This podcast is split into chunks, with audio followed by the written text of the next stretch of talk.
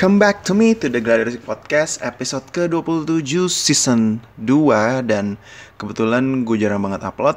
Kali ini gue bakal ngobrol sama salah satu founder dari OMG Event Asia. Siapa dia? Langsung dengerin aja. Check it out.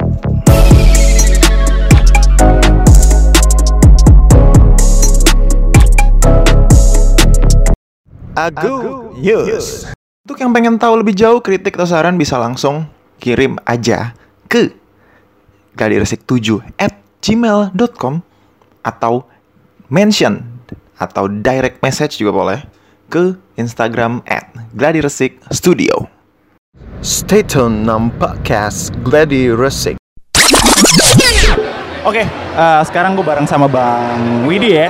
Nah, Bang sebelumnya mungkin eh, di Gladiresik Podcast ini bisa ngenalin diri dulu dan kalau boleh lebih tahu nih, sekarang lagi sibuk apa Bang? Eh, Oke, kenalin nama gua Widi, Widi Anugrah. Eh, sibuk, kesibukan sih lagi apa ya? Em, ada ngebangun bisnis lah.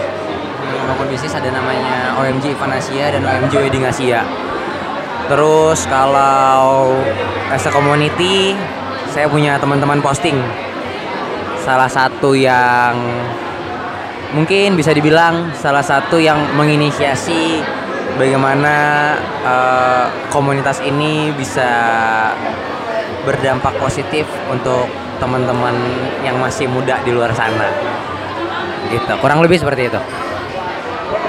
Oke, mungkin satu-satu dulu Bang ya yang kita bakal bahas. Nah, yang pertama tuh aku pengen nanya tentang OMG Event Asia. Nah, itu sebenarnya eh, dia tuh event organizer ya yang yang seperti apa sih? Kemudian pada awalnya tuh eh, kepikiran untuk bikin itu tuh gimana gitu Bang? Mungkin bisa di share di sini. Oke. eh, OMG. Awalnya itu jadi sebenarnya gini, awal ceritanya tuh. Zaman masih kuliah, zaman masih kuliah tuh saya punya party planner. Namanya Bandung Party Planner. Nah, dari situ tuh eh, alhamdulillah lumayan lah buat dapat uang saku, buat eh, nambahin uang kuliah dan bla bla bla bla lah ya. Nah, dari Bandung Party Planner itu saya pengen saya pengen dapat revenue yang lebih gede dapat revenue yang lebih gede sedangkan scope dari Bandung Party Planner itu eh, marketnya itu tidak sebesar event organizer makanya kenapa saya jadi jadi jadi terkepikiran kayak ya kenapa saya nggak buat event organizer kalau gitu. Tapi eh, sebelum saya buat memutuskan melangkah ke sana memang saya ikut dulu ke event organizer orang gitu. Jadi memang saya ngikut bendera orang dulu perusahaan orang dulu belajar dulu IO itu seperti apa sih? Buatnya kayak gimana?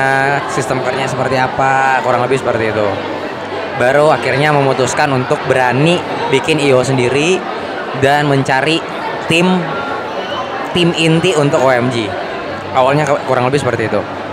Nah sedangkan fokus OMG sendiri itu lebih ke eh, event organizer tapi yang fokusnya lebih ke corporate. Lebih ke corporate jadi kita tuh bukan bukan bukan event-event yang festival musik bukan nggak nggak nggak fokus ke sana gitu. Bu, eh, walaupun sebenarnya goals eh, nantinya ke depannya pengennya OMG itu jadi promotor. Goalsnya itu kita pengennya OMG itu bisa jadi promotor. Nah cuman di awal ini memang eh, pembuat waktu awal mula buat OMG itu bahkan kita bikinnya event-event sosial di awal tuh. Kita membantu Yayasan Kanker Indonesia, kita buat event peduli kabut asap waktu Kalimantan dan eh, Sumatera, kebakaran hutan tahun 2015 tepatnya.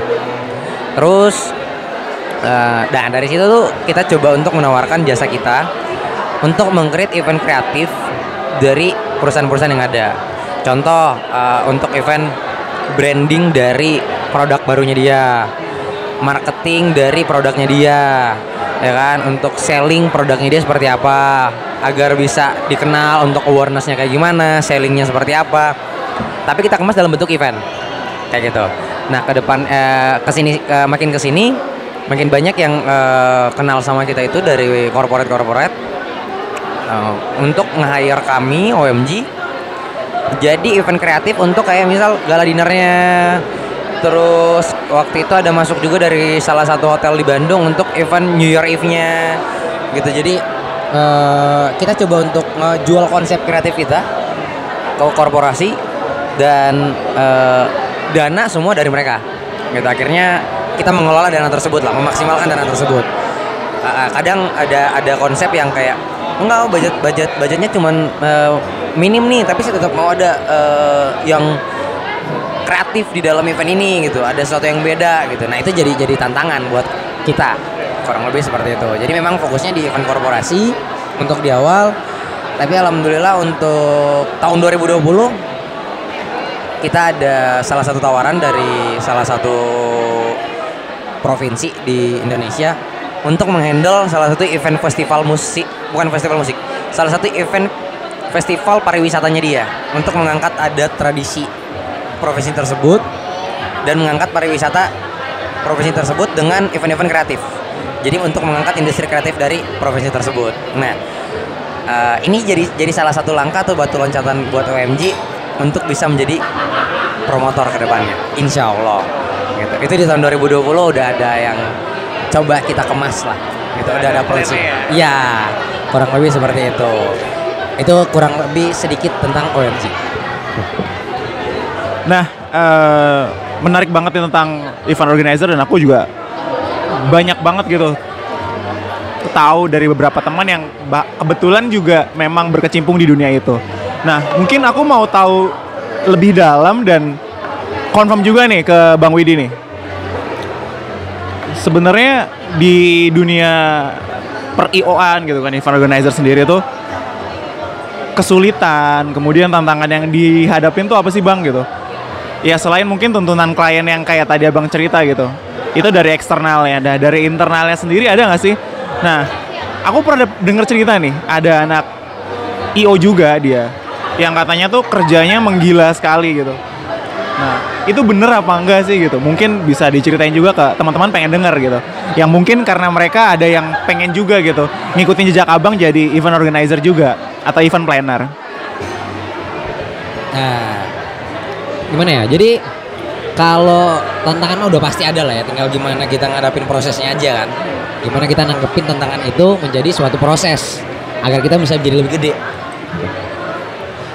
Tantangan pasti banyak. Kalau tantangan dari klien udah pasti, udah pasti ada itu mah. Dari yang pressure misal kayak gini, ada ada klien yang eh dia ngepres budget, tapi minta suatu hal yang wow gitu, ya kan? Tapi pada akhirnya dia tidak bisa menuntut banyak karena dia sadar akan bahwa budget dia tidak mumpuni gitu. Jadi itu akan berbanding lurus gitu. Jadi kita pun akan eh, kita tetap memaksimalkan jasa kita atau kita tetap memaksimalkan eh, plannya seperti apa ya kan. Cuman yang yang lebih ber- berat menurut saya itu bukan di situ. Lebih berat tuh ketika eh, klien yang budgetnya unlimited ya kan. Dia ngasih kebebasan buat kita buat nge-explore gimana kreativitasnya kita tapi klien itu ternyata ekspektasinya jauh gitu di atas. Atau mungkin bahkan eh, oke udah sesuai ekspektasi gitu. Bahkan klien mungkin merasa ketika klien yang unlimited budgetnya ini nih. Jadi ketika dia ngerasa wah ini ternyata udah sesuai ekspektasi nih. Atau enggak dia ngerasa terpuaskan lah dengan jasa kita gitu kan.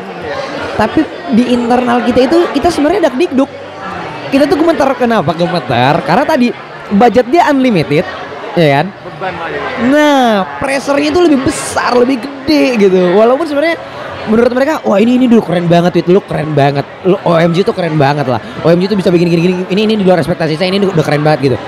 Itu kan tapi kita tahu after kan? Sedangkan pada saat proses kita kan pasti berangan-angan kayak ini kalau kayak gini dia gimana ya? Dia oke nggak ya? Padahal waktu dia presentasi mungkin dia positif gitu. Udah saya percayain aja lah sama kamu Wit saya percaya kok pokoknya. Saya percaya sama tim saya percaya sama OMG kasih yang terbaik nah di saat dapat klien yang kayak gitu memang itu jadi berkah karena kayak wow unlimited nih kita bisa explore wah ide-ide kreatif yang Gila-gilaan lah ya. parah gitu.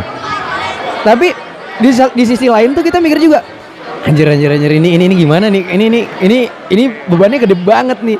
Itu bisa bisa bikin stresnya itu lebih berkali-kali lipat. Itu pressernya beda banget. Wah itu itu juaranya. Itu kalau kita dari sisi klien. Nah dari sisi internal kayak tadi ketika pressernya gede, ya kan? Balik lagi itu berbanding lurus. Budget akan berbanding lurus dengan pressure. Itu udah pasti, itu udah pasti. Walaupun kliennya slow banget, tapi kita yang akan kepikiran. Itu udah pasti gitu. Karena kita punya KPI kan. Kayak ini udah checklist belum ya ini tuh ini ini ini oke nggak ya kayak gitu. Nah, jadi pada akhirnya kita yang coba untuk nggak kita harus sesuai nih. Kayak misal dia ngeluarin ke kita 2 m, ya kan? Dia ngeluarin ke kita budget 2 m misalnya, contoh.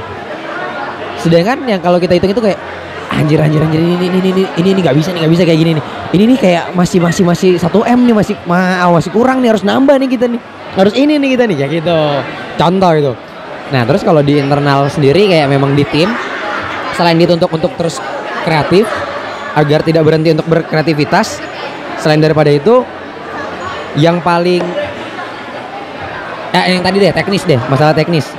Eh, tentang masalah tim yang mungkin belum belum eh, keteteran saat di hari H. Keteteran dalam artian karena mungkin ada tambahan dadakan ketika udah hari H gitu kan. Nah terus ada juga yang kadang eh, tadi kayak bilang wah itu kerjanya IO tuh juara loh. Bisa wow berhari-hari gini gini jangan sedih. Itu semua benar. Itu sama benar. itu semua benar. Jangan sedih. Kita bisa nggak tidur berapa hari atau cuma tidur misal misalnya lagi loading barang kita tidurnya paling cuma di atas ya kursi yang lagi di loadingin aja. Tidur sejam dua jam yang penting udah kelep ngek ah, bangun lagi udah. Oh udah udah udah fresh udah fresh lanjut. Kayak gitu. Nah itu itu bisa berjalan misal semingguan. Tiga paling cepat tuh tiga hari atau dua hari. Kayak gitu Eh, sebelumnya mungkin prepare-nya masih enak gitu. Tapi kalau udah mendekati hari H kita harus make sure memastikan semuanya bahwa kalau kata Mas Wisnu Tama nih ya zero mistake. Wah itu itu serem banget. itu serem banget. Ya semua pada tahu lah gimana Mas Wisnu waktu itu eh, Pak Wisnu Tama sekarang udah jadi menteri. Eh, udah jadi menteri beliau. Gimana waktu Pak Wisnu megang eh, trans terus gimana pada saat dia megang net. Saya kira teman-teman yang pernah kerja bareng sama Pak Wisnu pasti hafal banget dia kayak seperti apa orangnya. Nah itu yang coba kita terapkan juga itu yang coba kita terapin di OMG gitu. Bagaimana caranya ini? Ya benar-benar seminim mungkin gitu. Ketika ada kejadian-kejadian yang tidak diinginkan kita harus bisa menyiapkan plan A B C D E F G dan seterusnya. Nah itu yang bikin kita tuh benar-benar pressure hari H itu teknis kadang kita nggak bisa tidur. Nggak bisa tidur itu bukan karena nggak ngantuk gitu. Nggak ngantuk banget. Capek banget nih ya tapi pikiran ke mana-mana. Ini nggak bisa nih kalau kayak gini nih ini. Ya ini belum nih. Aduh juara aja. Itu jadi ya kalau untuk masalah kreativitas menurut saya itu udah hukum wajib sih. Karena kalau kita nggak terus apa ya berinovasi kita tidak buat suatu hal yang beda tidak berhenti untuk eh, apa ya terus mengeksplor kreativitas kita ya maaf IO di Indonesia banyak banget. Dan yang kreatif itu banyak banget. Jadi ketika kita tidak bisa mengeksplor itu sorry to say mungkin kita hanya ngestak di situ aja atau bahkan mungkin kita bisa terjun bebas. Kayak gitu. Jadi menurut saya itu udah hukumnya wajib. Untuk teknis ke sini emang EO kerjanya bisa dikatakan kerja Rodi mungkin itu tinggal gimana kita bisa ngeplan sih. Jadi gimana ngebuatin kayak misal nih saya plan eh, saya, saya bagian shiftnya itu dari malam sampai pagi. Ya udah siang istirahat ada tem ada tim yang gantiin. Agar tetap maksimal gitu loh. Jangan semuanya begadang pagi semua tepar. Kayak gitu nggak bisa seperti itu. Nah after event baru semua jadi cerita lucu.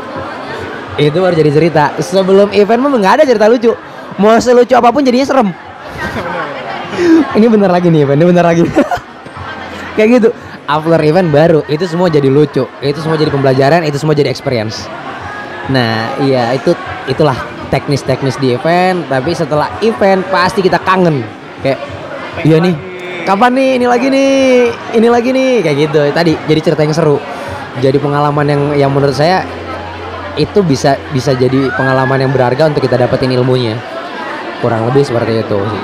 Kalau suka duka enggak sih nggak ada duka sih suka semua. Suka semua. Karena ketika dukanya dibikin suka kan eh ketika dukanya bisa jadi pelajaran jadi suka. Benar. iya nggak? Gimana sudut pandang aja itu? Wow, menarik, menarik, menarik. Keren, keren insight Nah, eh, aku pengen tahu juga nih bang, kan tadi cerita tentang berbagai macam sukanya untuk di event organizer sendiri gitu kan. Terus kemudian tantangannya gitu kan. Nah, kalau yang aku pengen tahu, kira-kira nih ya, kalau menurut eh, Bang Widi sendiri gitu, bisnis event organizer ini sendiri kalau prospek ke depannya tuh bakal akan jadi yang seperti apa sih? Maksudnya dia masih jadi bisnis yang relevan gak sih bang untuk masa depan? Atau OMG Event Asia ini kepikiran untuk pengen jadi apa gitu ke depannya gitu? Kita pengen tahu sih karena kan pasti teman-teman yang pengen wah ya ini menarik nih kayaknya kalau kita ngerjain by passion dan ternyata gue juga suka nih di bidang itu gitu. Ter, eh, per eventan itu. Itu gue juga pengen bikin dan tadi balik lagi ke formulanya abang. Pokoknya jangan berhenti berinovasi dan kreatif kan. Oke. Tapi ternyata ya segitu aja nggak cukup gitu. Mungkin mungkin gitu. Ke depannya butuh sesuatu yang yang ya gue nggak tahu belum tahu apa gitu. Apakah sudah terpikir sama bang Widi sendiri gitu kalau if- event organizer ini akan dibawa ke mana sih ke depannya kira-kira masih relevan atau enggak gitu kalau untuk menjadi sebuah bisnis gitu Em, ini sih dari sudut pandang saya pribadi ya. Dari sudut pandang saya pribadi, kalau berbicara event organizer itu menjanjikan atau tidak, sebenarnya semua bisnis itu tidak ada yang bisa menjanjikan kepastian. Semua bisnis. Itu bisa menjadi suatu bisnis yang bisa menjanjikan ketika kita memang benar-benar fokus dan memikirkan bisnis tersebut. Gitu.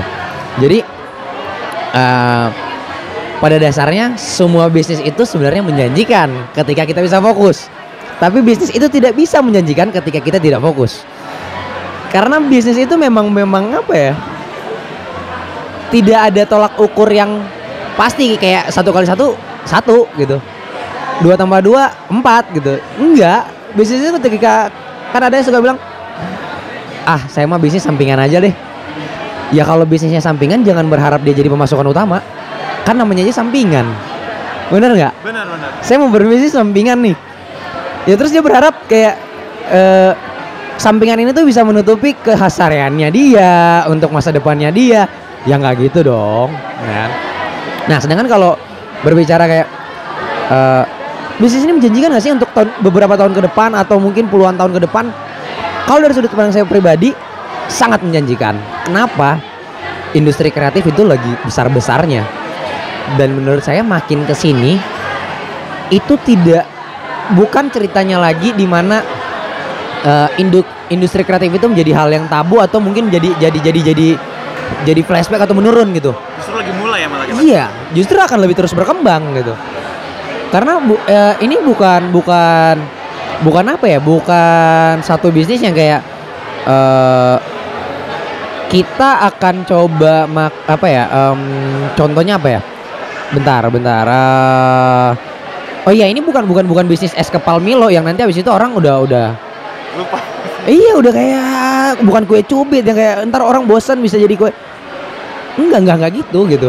Sebenarnya kue cubit pun bisa bisa tetap survive, bisa tetap bertahan ketika kita tidak berhenti berinovasi. Begitupun event menurut saya. Apalagi event ini memang bersinggungan langsung dengan yang namanya industri kreatif. Karena event ini packaging. Contoh nih ya, contoh. Zaman dulu, zaman dulu itu nggak ada yang namanya wedding organizer. Zaman dulu, zaman dulu itu adanya salon. Yang di mana di sana ada yang bantuin untuk ngarahin, wah wedding itu harus A, harus B, harus C dari orang salon. Kalau bukan orang salon itu MC, iya iya kan?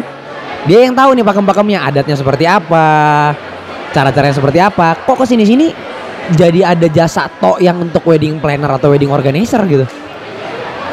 Karena gini, wedding organizer dan wedding wedding planner itu itu scoop kecil dari event organizer. Jadi event organizer itu generalnya. Iya nggak? Tapi ketika kita berbicara wedding organizer dan event organizer itu beda, iya beda. Tapi itu satu badan iya. Cuman satu lebih fokus marketnya, yaitu wedding. Yang satu lebih general, gitu loh. Yang satu lebih general. Nah itu tadi yang saya bilang, kita mau fokusnya ke mana? Karena event itu ada ada banyak banget, ya kan? Kita mau fokusnya ke mana? Apa yang kita mau garap, gitu. Nah itu menurut saya itu satu satu industri kreatif yang di mana induknya adalah industri kreatif sehingga lahirlah itu event organizer jadi jadilah eh, kategori kategori bisnis baru. Ada event organizer di bawahnya ada wedding organizer. Benar nggak? Nah sebenarnya kalau di, di breakdown ke bawah lagi event organ yang tadi saya bilang awal mula saya buat event organizer itu karena saya belajar dari party planner. Bandung party planner yang saya buat. Nah itu kan skupnya marketnya kecil. Kenapa saya buat event organizer? Agar bisa dapat skup yang gede, agar bisa dapat market yang gede, ya kan? Jadi saya ini se- semacam mikirnya tuh semacam memperkuat induk. Event organizer saya bisa jadi manajemen nanti, manajemen eh, branding mungkin, bisa jadi manajemen artis. Ketika saya udah banyak banget artis yang bener gak? Saya bisa jadi media nanti saya bisa jadi wah, banyak banget Ru- eh, ruang lingkupnya tuh gede banget. Tinggal kita mau fokusnya skupnya ke mana nih? Mau ambilnya tuh yang mana? Makanannya. Kurang lebih seperti itu. Makanya kenapa saya bilang ini sangat menjanjikan? Karena tadi makanannya banyak. Cuman baik lagi nggak boleh maruk. Makin gede marketnya itu makin abu-abu fokusnya mau ke mana. Jadi ketika marketnya udah gede kita fokusin nih kuenya mau A, B atau C. Makanya kalau namanya eh, makanya tadi saya bilang saya mau ke depannya event organizer ini, event organizer saya OMG ini akan jadi promotor ke depannya. Nah, ketika saya jadi promotor, saya udah bisa buat event sendiri yang di mana udah bukan saya yang nyari corporate, tapi corporate yang nyari saya. Iya nggak? Udah bukan saya yang nyari artis, tapi artis yang nyari saya. Misal ketika artis bilang, eh, uh kalau udah di handle sama OMG itu pasti satu Indonesia kenal, kasarnya gitu. Bener nggak? Gitu kayak contoh sekarang yang gede DWP gitu. Ketika kita udah masuk line up DWP, nggak mungkin nggak ada yang nggak kenal kita. Kasarnya kan gitu. Atau ketika kita masuk line upnya We The Fest, nggak mungkin nggak ada yang nggak kenal kita. Kasarnya kan gitu. Nah itu dari bawahnya Ismaya Group. Gitu. Nah, goals ke depannya pengen seperti itu. Jadi memang ada sub-sub yang memang fokus di market masing-masing. Karena kalau kita mau ngegarap market keseluruhan, itu malah menurut saya ketika kita berharap banyak gini gini gini. Contoh, saya kasih contoh deh. Saya kasih contoh satu ya, yang yang valid. Semua manusia itu membutuhkan air, betul? Bukan manusia, semua makhluk hidup di dunia ini membutuhkan air. Mau hewan, tumbuhan, manusia itu pasti membutuhkan air, bener kan? Berarti ketika saya logikain, semua makhluk hidup membutuhkan aqua. Aqua itu air mineral kan? Berarti logikanya semua eh, makhluk hidup itu membutuhkan aqua. Tapi kata aqua, nggak semua orang membutuhkan saya. Karena ada market segmennya gitu loh. Jadi semua orang tuh pasti butuh minum, semua orang tuh pasti butuh air. Tapi kata aku, Wak, saya aja tidak menjual ke semua orang produk saya. Coba kalian lihat deh, ketika Aqua disejajarkan dengan produk-produk yang dibawa eh apa ya di eh, beda market lah, beda segmen gitu. Eh, kalau saya bisa sebut brand tuh misal tadi Aqua misal dengan Indomaret atau produk Alfamart. Kan mereka juga mengeluarkan air mineral. Ketika marketnya adalah yang eh, menengah ke bawah dia akan milih Indomaret atau Alfamart karena lebih murah. Tapi ketika yang yang yang eh, eh, mikirnya saya maunya yang trusted. Brandnya itu yang terpercaya pasti milihnya Aqua kenapa? Karena Aqua tuh ada penjelasannya. Dari air mata mana disaring berapa kali. Ya jadi market segmennya tuh jelas. Iya kan? Iya kan? Nah sedangkan yang Alfamart dan Indomaret kan tidak dijelaskan. Bener nggak? Cuman karena harganya lebih murah aja. Makanya aku bilang semua orang butuh saya, semua orang butuh air, bukan aqua. Semua orang butuh air, tapi nggak semua orang butuh saya. Begitu, kurang lebih seperti itu. Makanya IO tuh gitu, gitu. Jadi saya nggak mau tuh menggarap semuanya. Bisa jadi saya malah blunder, nggak ada yang butuh saya sama sekali, nggak ada yang butuh OMG sama sekali, gitu loh. saya butuh market, tapi saya tidak bisa menjualkan OMG kepada semua market yang ada. Harus ada market segmen yang pas. Kayak gitu. Nah, makanya karena industri kreatif itu terus berinovasi, kalau menurut pandangan saya pribadi, ini akan terus growth. Ini akan terus berkembang. Hanya challenge-nya itu ya kita siap nggak untuk bisa berinovasi bareng dengan berjalannya waktu. Karena kalau telat timing kita ketinggalan, kecepatan kita nggak dilirik.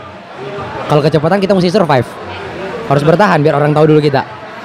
Kalau telat, udah ada yang duluan. Jadi timingnya memang harus pas. Iya nggak? Gitu ya. Itu itu ya itu seninya bisnis sih. Seninya bisnis di situ. Gitu, makanya saya bilang nggak pernah ada bisnis yang jelek. Ketika ada yang bertanya ke saya kayak, bang, bisnis yang bagus itu apa sih? Bisnis yang bagus itulah bisnis yang dijalankan. Karena semua bisnis itu baik. Semua bisnis itu baik. Misal nih saya jualan cabe aja ya. Wah, Bang Widi tuh pengusaha cabe. Orang yang mandang semua mata pasti mikirnya, hah, jualan cabe. Emang gede jualan cabe? Iya, saya jualan cabe, tapi satu Sumatera yang saya support. Fokus dia. Iya nggak? Keren nggak? Iya kan? Nah gitu maksudnya. Kurang lebih seperti itu. Jadi memang ketika kita berbicara ini gede atau enggak, itu balik lagi ke kita sendiri. Tapi kalau berbicara data atau berbicara inovasi, ini nggak akan mati seharusnya. Seharusnya ini nggak akan mati. Yang menentukan ini mati atau enggak, yang menjalankan bisnis tersebut bisa survive atau enggak. Kurang lebih seperti itu sih. Cukup menjawab kah atau gimana? Luar biasa, sangat menjawab sekali nih. Pokoknya intinya benar-benar. Iya sih, setuju, setuju, setuju. Intinya balik lagi ke kita yang ngejalanin bisnisnya. Nah, eh, aku selalu nanyain hal-hal yang menurutku ini adalah pertanyaan yang apa ya? Nggak semua orang mau menjawab dengan eh, apa ya kayak terbuka dengan hal ini gitu. Aku mau nanyain sesuatu ke Bang Widi nih. Nah, tadi kan kita dengar cerita tentang bagaimana bagus-bagusnya dan semua about the positivity lah. Kalau kurang-kurangnya ya memang do the hard work aja gitu. Misalnya untuk ngejalin hal itu gitu. Nah, sebenarnya eh, yang pengen tahu adalah misalnya nih balik lagi ke ada lah pokoknya dari dari sekian banyak orang yang dengar gue pengen juga nih bang bikin nih usaha kayak gini gitu tapi yang yang pengen gue dengar adalah eh apa ya the the the dark side-nya gitu. Maksudnya kayak ada buruk-buruknya nggak sih ya di dunia bisnis yang dijalanin gitu? Maksudnya kayak eh, sering lihat juga nih bang di Twitter tuh ada yang beberapa contoh event-event yang dalam tanda kutip ya dalam tanda kutip tuh dia mungkin fail karena banyak yang komplain dan segala macam gitu. Sebut saja ada event namanya depannya L atau event yang depannya dari R event organizer ya gitu ya silakan tebak sendiri ya mendengar ya. When ketika mereka itu ya ngedeliver ke orang-orang ternyata di luar ekspektasi gitu. Nah apakah pernah ketika proses menjalani sampai detik ini sekarang gitu eh, abang pernah mengalami hal di mana posisinya di bawah kayak gitu dan ngebalikin keadaannya tuh gimana gitu? Amin mungkin bisa diceritain dulu kalau waktu ngejalanin tuh the dark side-nya apa sih gitu? Kayak wah dulu gue tuh dulu pas ngejalanin kurangnya tuh ini ini ini ini ini, terus ternyata bisa di flip baliknya karena apa gitu. Yang yang biar mereka juga realize kalau eh ibaratnya kita dari awal tuh denger eh ini bagus loh semuanya gitu. Kalau misalnya kalian fokus dengan hal tersebut gitu. Tapi mungkin mereka juga pengen tahu juga gitu bang kalau hey ada ininya juga loh yang mesti kalian hati-hati gitu. Mungkin dari abang sendiri apa gitu kira-kira Hah, gimana ya? nah ini dia Pertanyaan yang lumayan menguras otak. Eh, karena kalau saya pribadi itu sebenarnya saya nggak pernah gini. Itu tentang per- permasalahan permasalahan mindset sih. Nah, alhamdulillah selama ini tuh apa pun yang saya coba bangun dengan teman-teman dengan tim, saya selalu melihat dari sudut pandang yang positif, gitu. Jadi mau itu kegagalan, mau itu menurut saya itu pembelajaran. Saya selalu menganggap itu adalah itu pembelajaran gitu. Contoh misal ketika saya baru lulus kuliah yang masih bener-bener fresh graduate ya kan terus saya dikas, di, di, dipercayakan sama orang untuk memegang satu perusahaan yang gede atau ada yang mau invest ke saya untuk mem- membuat satu bisnis dengan nominal investasi senilai 2M sedangkan saya paling gede aja megang misal cuma 10 juta gitu. Pasti akan kalah kabut saya pasti akan bingung gitu. Saya akan bingung kayak aduh ini gimana cara ngelolanya? Saya harus bikin apa? Saya harus bikin kayak gimana? Itu yang bikin saya eh, sedangkan ketika beda cerita ketika saya sebelumnya udah mencoba dengan yang bisnis 50 juta terus 500 juta terus tiba-tiba dari 500 juta itu Nauzubillah min jalik nggak kembali. Ya kan? Nauzubillah min jalik ternyata 500 juta itu hilang gitu. Untuk sebagian orang bukan sebagian mayoritas orang pasti akan menganggap itu adalah bisnis yang failed mayoritas orang itu akan menganggap bahwa itu bisnis yang tidak sangat menguntungkan. Dan mereka mungkin akan kapok. Atau mungkin mereka akan kayak "Ah, kayaknya gue nggak cocok deh ini deh kayak gue kerja aja. Ah, atau nggak gue ganti bisnis deh kayaknya ya kan? Pusing kan? Nah kalau gue tuh mikirnya karena mungkin gue udah ngelewatin kali ya, ngelewatin beberapa beberapa fase yang di mana memang ketika itu ditipu itu udah biasa. Wah. Ya itu makanya kenapa saya bisa ngomong tuh karena pernah. Contoh kayak gini. Eh, salah satu bisnis yang sukses di Indonesia kita sebut yang punya CT Corp Pak Hairul Tanjung. Pak Hairul Tanjung pernah ngomong bahwa ketika ada orang yang mendatangi saya menawarkan satu bisnis atau suatu investasi yang sangat menggiurkan sebelum dia menjelaskan itu saya udah bisa tahu orang ini nipu saya atau orang ini benar-benar real mau fight di bisnis tersebut. Kenapa dia bisa bisa seperti itu ngomongnya? Karena dia udah berapa kali ditipu. Oh, udah sangat sering. Jadi kayak ngomongnya ah, bullshit ini mah udah tahu gua. Kayak gitu. Kayak nggak mungkin ini mah mending lu mulai dari yang kecil dulu ntar gua kasih yang gede. Kayak gitu nah jadi maksudnya ketika saya kena misalnya tadi kayak saya bilang 500 jutanya hilang nih kan? Saya akan lihat bahwa oh ilmu yang saya harus eh, apa 500 juta ini tuh bukan hilang tapi 500 juta ini investasi untuk harus saya yang harus saya bayarkan untuk mendapatkan ilmu yang tadi ilmu rugi tadi. Oh saya jatuh nih di lubang A. Di lubang A itu nilainya 500 juta loh. Jadi ketika ada yang invest ke saya 1 M atau 2 M saya udah tahu jangan ke lubang A. Saya harus pakai strategi lubang B. Walaupun lubang B itu mungkin gambling. Oke, tapi seenggaknya saya udah tahu lubang A itu pasti saya jatuh. Nah itu yang mahalnya gitu. Mahalnya itu di situ. Cuman nggak semua orang bisa melihat itu gitu. Nggak semua orang bisa menganggap oke ya ya ya ya. Enggak nggak semua orang beranggapan bahwa ya satu ya saya satu satu saya kasih contoh lagi.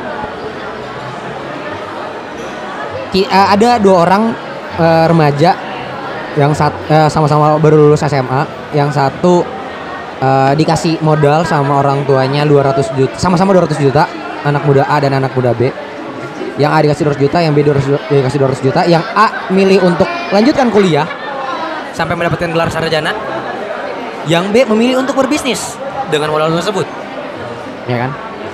Yang A lulus dengan predikat yang terbaik dari kampusnya. Ya kan? Eh, dia mendapatkan gelar dong di nama di, di namanya dia ya kan nah sedangkan yang B ini gambling.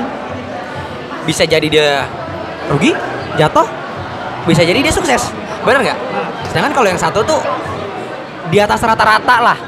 Kemungkinan besar dia akan lulus. Walaupun kita tahu memang nggak semua orang gampang untuk lulus gitu. Bahkan ada yang nggak nggak lulus lulus ya kan? Tapi menurut saya itu lebih mudah ya. Nah sekarang saya tanya ketika yang B tadi rugi nih 200 jutanya duitnya nggak kembali duitnya nggak balik 200 juta itu.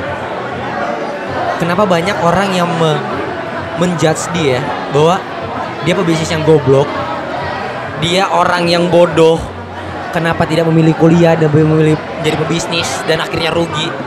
Akhirnya banyak yang underestimate sama dia akhirnya dia dijauhin gak ada temennya. Kenapa? Cuman karena duit 200 dia 200 juta dia nggak kembali gitu. Nah kalau kalian berpandangan atau berpersepsi seperti itu saya akan balikin ke teman-teman yang dengerin ini ya. Saya akan balikin. Kenapa teman-teman yang mendapatkan gelar sarjana S1 nggak kalian cap kayak gitu juga? Emang duitnya balik? Sekarang gue nanya 200 juta yang diinvestasikan ke kampus emang balik? Emang kampus nggak gaji kalian? Kenapa saya bisa ngomong seperti itu? Karena gini si A bayar 200 juta untuk dapat pendidikan sehingga dia mendapatkan gelar. Betul? Sepakat ya. Terus si B menginvestasikan 200 juta di bisnis untuk mendapatkan ilmu, untuk mendapatkan pendidikan. Betul? Tapi dia tidak mendapatkan gelar. Iya. Tapi yang B mendapatkan experience, mendapatkan relasi yang lebih lebih jelas dan lebih gede. Betul? Iya. Yang A mendapatkan relasi iya teman-teman di kampusnya dong. Benar nggak? Tapi experience masih belum ada di dia. Yang di mana ketika yang lulusan sarjana ini ketika dia lulus dia masih akan bertanya-tanya saya akan kerja atau bisnis? Saya bagusnya kerja apa? Di bagian mana? Mulainya dari mana? Sedangkan yang B ketika dia rugi dia udah tahu experience-nya di mana. Dia udah tahu titik-titiknya seperti apa. Ilmu dia dapet. Cuman bedanya dia nggak dapat gelar aja udah. Udah itu doang. Gelar aja. Memang dia nggak bisa kerja gitu. Maksudnya untuk melamar kerja nggak bisa gitu. Tapi mental dia lebih terbentuk dari si, si daripada si A punten pisan ini mah. Mental dia lebih jauh terbentuk. Nih ya yang udah hilang 200 juta apalagi kalau dia bisa survive. Karena gini bisnis yang gagal itu menurut saya ada bisnis yang ketika dia menyerah. Udah itu dong selama kalian berbisnis dan kalian tidak pernah menyerah menurut saya itu nggak gagal. Ya kata almarhum Pak Habibie juga tidak ada kata-kata menyerah untuk seorang pebisnis. Karena menyerah itu hanya untuk ketika eh gagal itu hanya untuk ketika orang menyerah. Jadi ya ketika kita tidak menyerah bukan gagal namanya itu pembelajaran. Iya jadi mentalnya akan lebih kecuali memang yang 200 juta tadi itu orang yang anak si A, B, si B ini dia give up dia nyerah. Itu kesalahan dia. Itu baru bisa dikatakan dia gagal. Iya kan? Tapi kalau dia terus fight dia terus dia terus ikhtiar kasarnya ya kan? Dia terus berjuang mentalnya jauh lebih kebentuk maaf banget ini yang si A ya yang lulus nih ya. Karena eh tapi ngomong-ngomong saya kayak gini ngomong kayak gini saya juga gelar sarjana sih. Eh, jadi saya tidak mau mengunderestimate teman-teman yang lulus dengan mendapatkan gelar sarjana S1 ya susah payah. Karena saya jujur susah payah untuk mendapatkan gelar sarjana S1 overtime dua kali. Sampai udah injury time saya malah. Nah dan saya tidak pernah merasa rugi untuk saya overtime di kampus. Saya nggak merasa rugi karena menurut saya ada experience yang lebih saya dapat. Saya banyak dapat relasi di dalam. Saya nggak pernah ngerasa rugi gitu. Nah, dan teman-teman ingat, untuk yang si B, dia tuh masih gambling loh. Itu tadi kita bicarakan dia rugi, Iya kan? Gimana kalau kita berbicara dia profit? Ketika si A lulus, yang ada si A lulus, eh lu lulus, kerja di gua deh, gua jadiin GM, mau nggak? si B bisa ngomong kayak gitu nggak? Bisa banget. Itu ketika kita berbicara bahwa si B ini bisa maksimalkan nilai investasi yang 200 juta tadi. Dan dia akan lebih siap ketika mendapatkan nilai investasi yang lebih besar. Sedangkan yang baru lulus ketika mendapatkan nilai investasi yang 200 juta tadi, pasti dia masih akan kalang kabut. 200 juta ini gue bikin apa? Biasanya dia kan cuma bikin simple. Ya udah gue bikin kos-kosan aja deh. Gue bikin apa kek? Yang menurut dia resikonya lebih kecil. Sehingga ah, jadi tidak ada gimana ya? Tetap akan ada pembelajaran sih, cuman waktunya mungkin tidak dia tidak akselerasi. Pada akhirnya seperti itu. Jadi saya bilang A dan B tidak ada yang salah. Yang salah itu netizen yang menjudge mereka berdua. Maka saya bilang yang A dan B tidak ada yang salah. Pilihan A dan pilihan B itu sama benarnya. Yang salah itu adalah netizen yang menjudge mereka dan yang salah itu ketika kita menyerah dalam perjuangan. Itu yang salah. Gitu. Makanya kalau mau bertanya apa dark side dari bisnis event organizer, jujur saya bingung menjawabnya. Karena memang tapi kalau teman-teman nanya berdarah-darah nggak bang bikin ini semua bisnis pasti berdarah-darah di awal. Tinggal gimana kita survive aja, gimana kita bisa bertahan. Kayak tadi saya bilang, ya kalau kita nggak bertahan berarti kan kita nyerah. Ya jangan jangan mengharapkan kesuksesan ketika kita sudah menyerah. Ya kesuksesan itu tidak akan pernah datang. Atau kita nyerah. Cuman kalau kita saya mau share sedikit, share sedikit tentang experience apa sih dari side-nya atau apa sih eh, perjuangannya seperti apa? Perjuangannya nih ya. Kalau tapi saya tidak mau eh, teman-teman yang dengerin ini menjadi ini menjadi apa ya? Jadi jadi jadi ketakutan ketika mendengar. Enggak, tapi jadikan ini pembelajaran gitu. Experience itu menurut saya paling mahal. itu paling mahal. Nah, jadi misal eh, waktu saya buat ini pertama sangat tertatih. Di mana enam bulan awal sampai setahun awal lah bisa saya katakan saya tidak ada pemasukan. Sama sekali tidak ada pemasukan. Apa yang apa yang cuman saya fokuskan selama 6 sampai satu tahun, 6 bulan sampai satu tahun itu awareness. Orang-orang cukup tahu bahwa saya punya IO. Saya bisa me- menghandle suatu event, membuat satu event gitu kan. Dan saya bisa men- men- apa ya? menjalankan event teman-teman gitu. Itu aja 6 bulan sampai setahun awal itu doang. Makanya tadi saya bilang kita lahir di awal itu adalah OMG lahir di awal itu dari event socialpreneur. Tadi saya bilang itu event sosial yang di mana kita tidak ada keuntungan sama sekali. Yang ada tuh cuma keluar tenaga. Karena saya dan teman-teman OMG punya persepsi sebelum tangan saya di bawah, alangkah lebih baiknya tangan saya di atas dulu. Jadi sebelum saya meminta, alangkah lebih baiknya saya memberi terlebih dahulu. Sehingga nanti tanpa saya meminta, itu akan datang dengan sendirinya. Kenapa OMG lahir di awal seperti itu? Nah, kedua, tinggal mentalnya kan. Akan bertahan berapa lama nih? Ya kan? Kalau dalam Islam, tawakal nggak nih dia nih? ya nggak nih? Ikhtiarnya terus nggak nih? Ya kan? Nah itu yang diujinya terus itu sampai akhirnya saya dapat event pertama nilainya 30 sampai 50 jutaan lah event pertama saya itu senengnya wah wah, akhirnya ikhtiar kita terjawabkan gitu. Nah itu. Jadi nah mungkin sisi kok bukan sisi gelap sih ya. Experience atau pembelajaran yang perlu effort lebih itu mungkin di situ ya di awalnya gitu. Karena memang ketika kita bangun di awal nggak semua orang percaya. Karena kita tidak ada portofolio. Yang mahal tuh portofolio. Iya nggak? Ya kalau anak desain paham lah ya. Kalau nggak ada portofolio apa yang akan kalian jual emang kalian akan percaya sama kalian? Makanya kenapa kalian ada magang ya kan? Kenapa kalian ada trial and error di awal bikin apa gitu sehingga itu jadi portofolio kalian. Yang di mana itu keluar modal kan? Nah kalau saya dan teman-teman OMG dan tim itu bagaimana caranya meminimalisir modal itu minim dana minim uang. Jadi modal yang kita keluarkan adalah tenaga. Ya udah kita nggak ngeluarin uang banyak nih tapi tenaga yang kita keluarin. Tenaga pikiran tenaga pikiran tenaga pikiran itu yang kita keluarin gitu. Ngikut dulu ya kan? Nyari tahu oh gini relasinya gini oh gini oh bisa seperti ini. Bikin event yang memang tidak ada profit. Ya tadi saya bilang tenaga dan pikiran. Itu aja.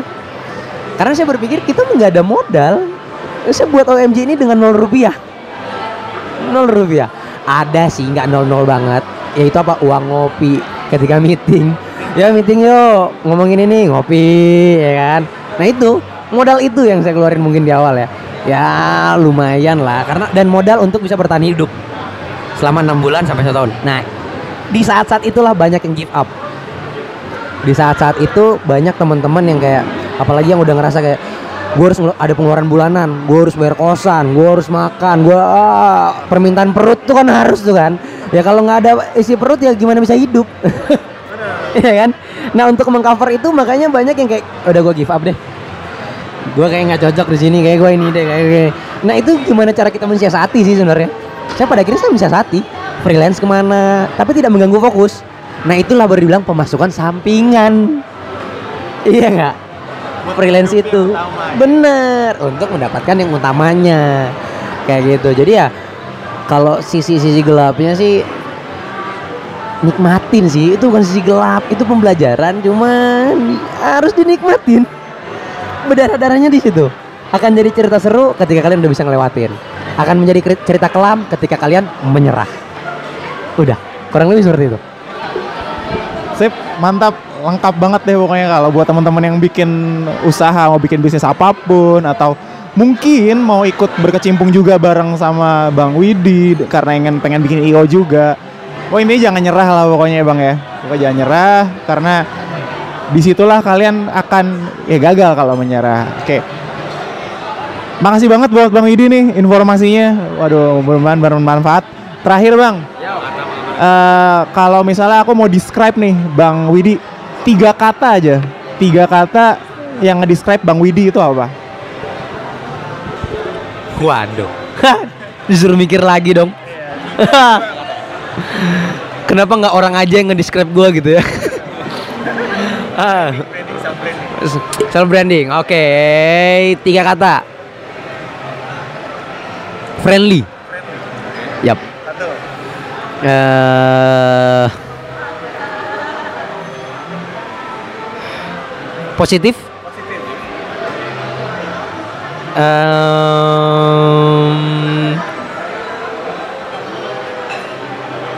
Insya Allah fighter. Amin. Siap. Ya, thank you Bang. Bye.